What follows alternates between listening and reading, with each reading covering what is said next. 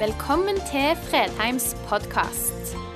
For mer informasjon og ressurser, besøk oss på fredheimarena.no, eller finn oss på Facebook.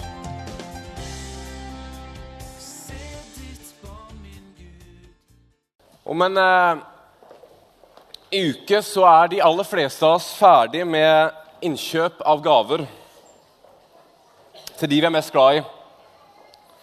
Foruten de da som eh, ikke lenger går og handler, men som tenker at nå har jeg 18 minutter på meg til å få tatt de siste gavene. Hvis du ikke da er en av de som går på eh, bensinstasjoner Jeg har hørt at det er undervurdert å gi gave for bensinstasjon. Så det er jo selvfølgelig en mulighet. Hva kjennetegner egentlig en gave? For en god del av oss så forbinder vi en gave med glede, i hvert fall for en stund. Følelsen av at vi får at noen har brukt tid på oss, tenkt på oss, tenkt å pakke inn noe som skal passe nettopp til oss. Som regel vet vi jo hvem vi fikk den av. Og Den er pakka inn i relativt fint papir. Papiren ligger inne og skal gi et godt førsteinntrykk før du åpner den opp. Men akkurat det siste der, det er en utfordring for noen av oss. De av oss som ikke er så veldig fingerhemme. Jeg er en av de som uansett hva jeg pakker inn til jul, så kommer den pakken til å bli en positiv overraskelse. For innpakningen ser ikke ut jeg, Og jeg, jeg prøver så godt jeg kan, men jeg forstår ikke greia med pakken. Jeg klarer ikke å få det til å se innbydende ut. Tidlig i studietiden så jobba jeg i, eh, med salg på en, en hyttebutikk. Eh, av forbrenningstoaletter og det ene med andre. Alt du kunne tenke deg til hytte. Og Jeg husker fortsatt en jul hvor jeg jobba der. og jeg, Folk kom inn og kjøpte julepresanger. Og jeg starta å pakke inn denne presangen. Men underveis så ble jeg bare avbrutt av kunden som sa jeg kan pakke inn selv, jeg. Og jeg forsto, jeg veldig godt hva som lå mellom inne. Dette ser jo ikke ut! Så jeg lot henne overta og pakke den sjøl. Den tiden vi går inn i nå, den tiden vi er i nå, den handler mer enn noe annet om nåde. En ufortjent gave. Vi fortjente det ikke, men det kom til oss likevel. Noen hadde ventet i århundre og årtusener på å se dagen da profet, profetien for Jesaja 9 og andre profetier skulle gå fra å være ord og profetier til å bli kjøtt, til å bli konkret. Et barn er oss født, en sønn er hos sitt. Herreveldet er lagt på hans skulder. Han har fått navnet underfull rådgiver, veldig Gud, evig far, fredsfyrste.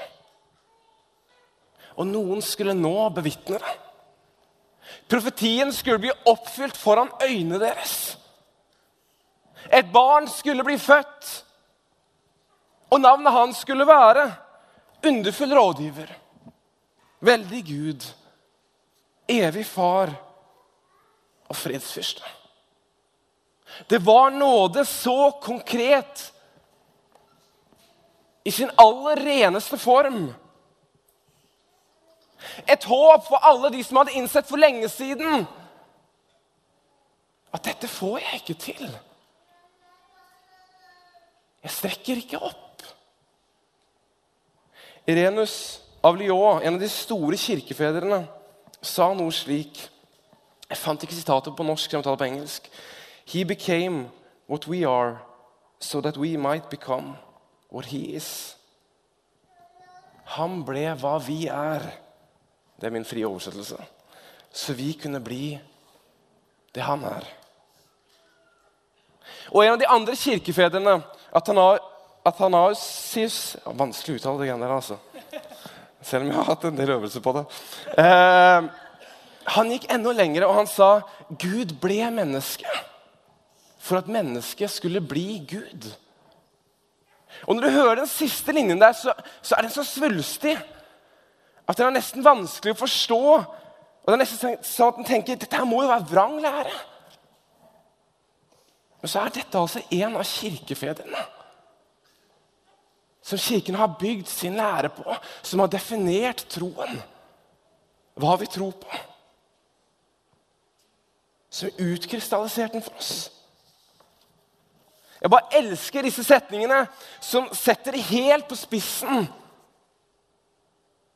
Av den enkle grunn at de løfter opp det som skjedde, til et absolutt toppunkt. Det er ingenting som går forbi det. Gud ble menneske for å nå meg og deg. Uten inkarnasjonen, at Gud ble kjøtt, at Gud ble menneske, ville det ikke vært noe kors. Det ville ikke vært noe grav. Det ville aldri vært noen seier over døden. Så her står vi altså, midt i en historisk og teologisk sus. Så hva betyr det da? At vi blir Gud? Er det ikke Jesus som er Gud? Jo, Jesus er Gud. Og Jesus er Guds enbårne sønn. Men gjennom vår relasjon med ham blir vi òg sønner og døtre. Nærmest gjennom adopsjon av nåde. Der var det ordet igjen. Nåde. Julens kjernebudskap. Så når nå Atanasis går lenger enn Irenius og sier Gud ble menneske for at mennesket skulle bli Gud, så må vi være klar over det at begge de to ikke mente at vi ville bli Gud, men omtale konsekvensen av dette mysteriet for mitt og ditt liv. Og Utbasuneringen er nærmest sånn samme teologien som vi finner i Salme 82, hvor det står 'Dere er guder, sønner av den høyeste er alle'. Men poenget er det skjer gjennom nåde og gjennom vår relasjon til ham. Så vi feirer altså at Gud ble menneske som oss, slik at vi kunne bli hva han er. Fordel i det han har del i. Og det å få noe av den naturen. Gjennom at han ble menneske, så vi nå en relasjon til ham. Det er mye i våre liv som vi lar definere det. For de aller fleste av oss definerer jobben noe. Familien definerer mye. Det vi holder på å trene med, definerer noe. Fotballaget vi heier på, definerer noe. Hva med krybben? Definerer den noe av livet mitt?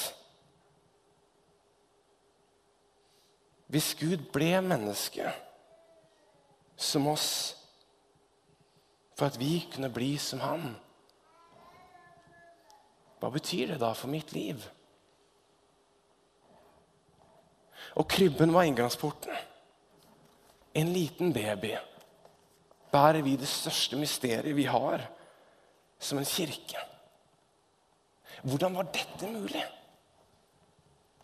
At Gud skulle stige så langt ned, innta menneskelig form. Uventet, utenkelig. Men han brydde seg minimalt om det. Fordi han kom for meg og deg. Ikke fordi vi hadde fortjent det, men fordi han elsket oss nåde. Ordet advent betyr egentlig for latinsk 'Herrens ankomst', og han ankom. Og det forandret alt. Men likevel så merker jeg sjøl hvor lett jeg glemmer ut hva dette egentlig handler om. Hvem dette lille barnet er. Hva han gjorde. Hvem han var. Hva vi egentlig feirer.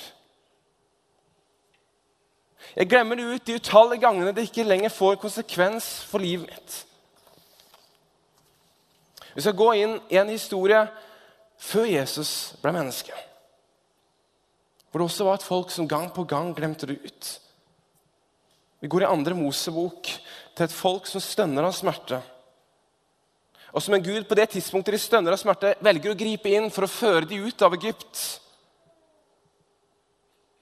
Og hva som skjer er at Gud kaller Moses til å lede dette folket ut av det landet og får med seg Aron, broren sin. Og De kommer til selittene, og vi går inn i 2. Mosebok 4, 29-31.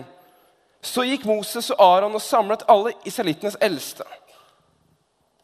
Aron sa fram alle de ordene som Herren hadde talt til Moses, og han gjorde tegnene for folkets øyne. Og folket trodde.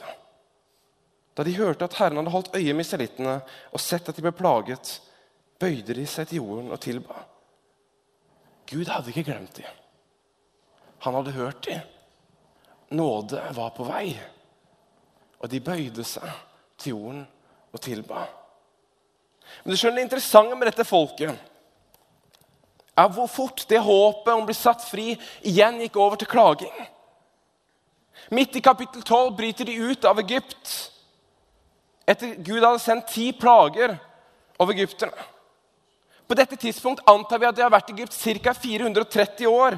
Og Man skulle tro at takknemligheten over å komme ut var enorm. Og selv om de fulgte en skysøyle om dagen og en ildsøyle om natten, som de fleste av oss for de fleste av oss ville vært ganske tydelige tegn på at Gud er midt iblant oss Så varer takknemligheten maksimalt til de kommer til Sivsjøen i kapittel 14. Og De ser fara med sin hær komme etter dem, og de retter sin klage til Moses.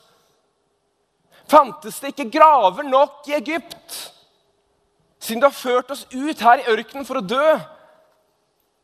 Hvorfor har du gjort dette med oss? Hvorfor førte du oss ut av Egypt? Var det ikke det vi sa til Egypt? La oss være i fred. Vi vil arbeide for egypterne. Det er bedre for oss å arbeide for dem enn å dø i ørkenen. Og Da sa Moses til folket, vær ikke redde, stå fast. Så skal dere få se at Herren frelser dere i dag. For slik som dere ser egypterne i dag, skal dere aldri mer se dem. Herren skal stride for dere, og dere skal være stille. Og slik fortsetter det gang etter gang. Lengter de tilbake til Egypt, hvor de hadde det forferdelig. De anklager Moses for det ene og det andre. og Det er ikke tvil om at Moses på et eller annet tidspunkt bare blir lei. Som han sier i kapittel 17. Da ropte Moses til Herren og sa, 'Hva skal jeg gjøre med dette folket?' Snart steiner de meg. Og Det kommer kanskje til et klimaks når Moses er oppe på Sinai og snakker med Gud. Hvor han bl.a. får de ti bud. Og dette drøyer, og de begynner å lure på er han død. I mellomtiden har israelitten med Aron i spissen gått i gang med å støpe en kalv som de har kastet seg ned for å tilbe som Gud. Denne historien forteller mye om å glemme hva vi opplever, hva vi er en del av. Men de opplevde òg nåde. Gang på gang på gang. Gud kom de i møte. Selv om de glemte hva de var en del av. Selv om de vassa rundt i guddommelige inngripener. Hør. Meg og deg vasser rundt i en, en relasjon av nåde. I 2. Peter 1,4 står til og med at vi har fått del i en guddommelig natur. Hvor det står slik har vi fått de største og mest styrebare løfter. Ved dem skulle dere få del i en guddommelig natur når dere har sluppet unna forfallet. Og Vi kan kanskje si hvordan var det mulig for disse israelittene å tvile når de så alle tegnene, de så alle underne, de så alt de var en del av. Men så kunne de stilt det samme spørsmål tilbake til oss. Dere lever jo i den tiden profetene har profetert om. Dere har fått del i en guddommelig natur. Dere er Den hellige ånds tempel. Dere skal leve om dere enn dør. Hvordan kan dere miste håpet? Og nåden av synet? Kunne de ha spurt oss om. Og så er jeg så ofte i den samme situasjonen sjøl. Jeg glemmer det ut. Tar nåden for gitt. Glemmer hva det kostet. hva det betyr for livet mitt. Hvor fort glemmer vi det ikke ut. Det vi en gang fant som vi tenkte dette vier jeg livet mitt. Det som en gang gjorde oss hel. Det som en gang satt alt det andre i et helt nytt perspektiv. Kanskje var det når du var i ferd med å gi opp ekteskapet med den personen som ti år tidligere var det sterkeste håpet du hadde. Kanskje var det når vi byttet ut de varme og gode verdiene med harde og kalde verdier, men den eneste som ikke merket det, var du sjøl. Eller meg. Kanskje var det når jeg begynte reisen vekk fra Gud, den samme Gud som noen år tidligere endret livet mitt. Hvor jeg endelig fant nåde. Hvor lett glemmer vi ikke hvorfor han kom med nåde og frelse. Vi finner det. Vi feirer det. Vi fortærer det. Men så glemmer vi det også fort. Men så var jo dette ment til å leve i oss. Dette hadde i seg en kraft til å forandre våre liv.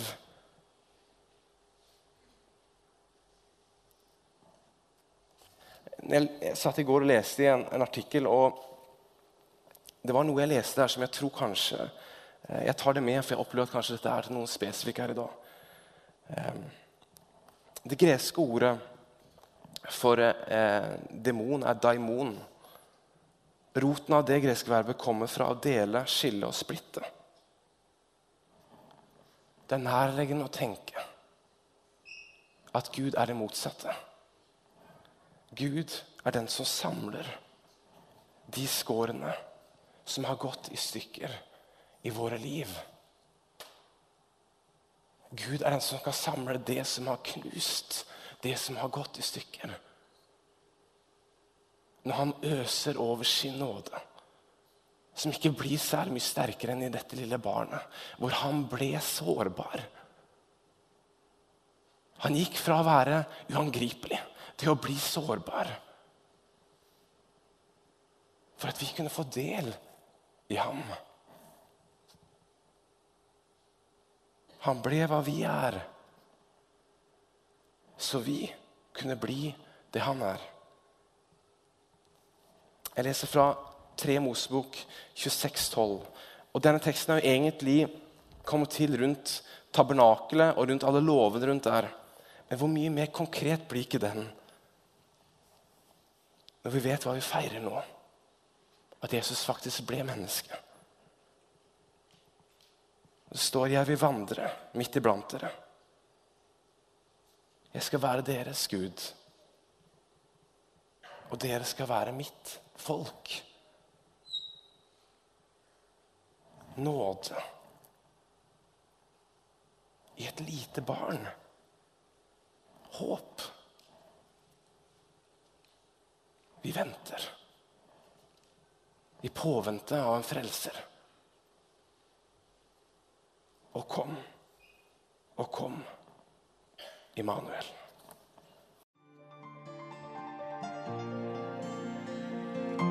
Takk for at du valgte å høre på.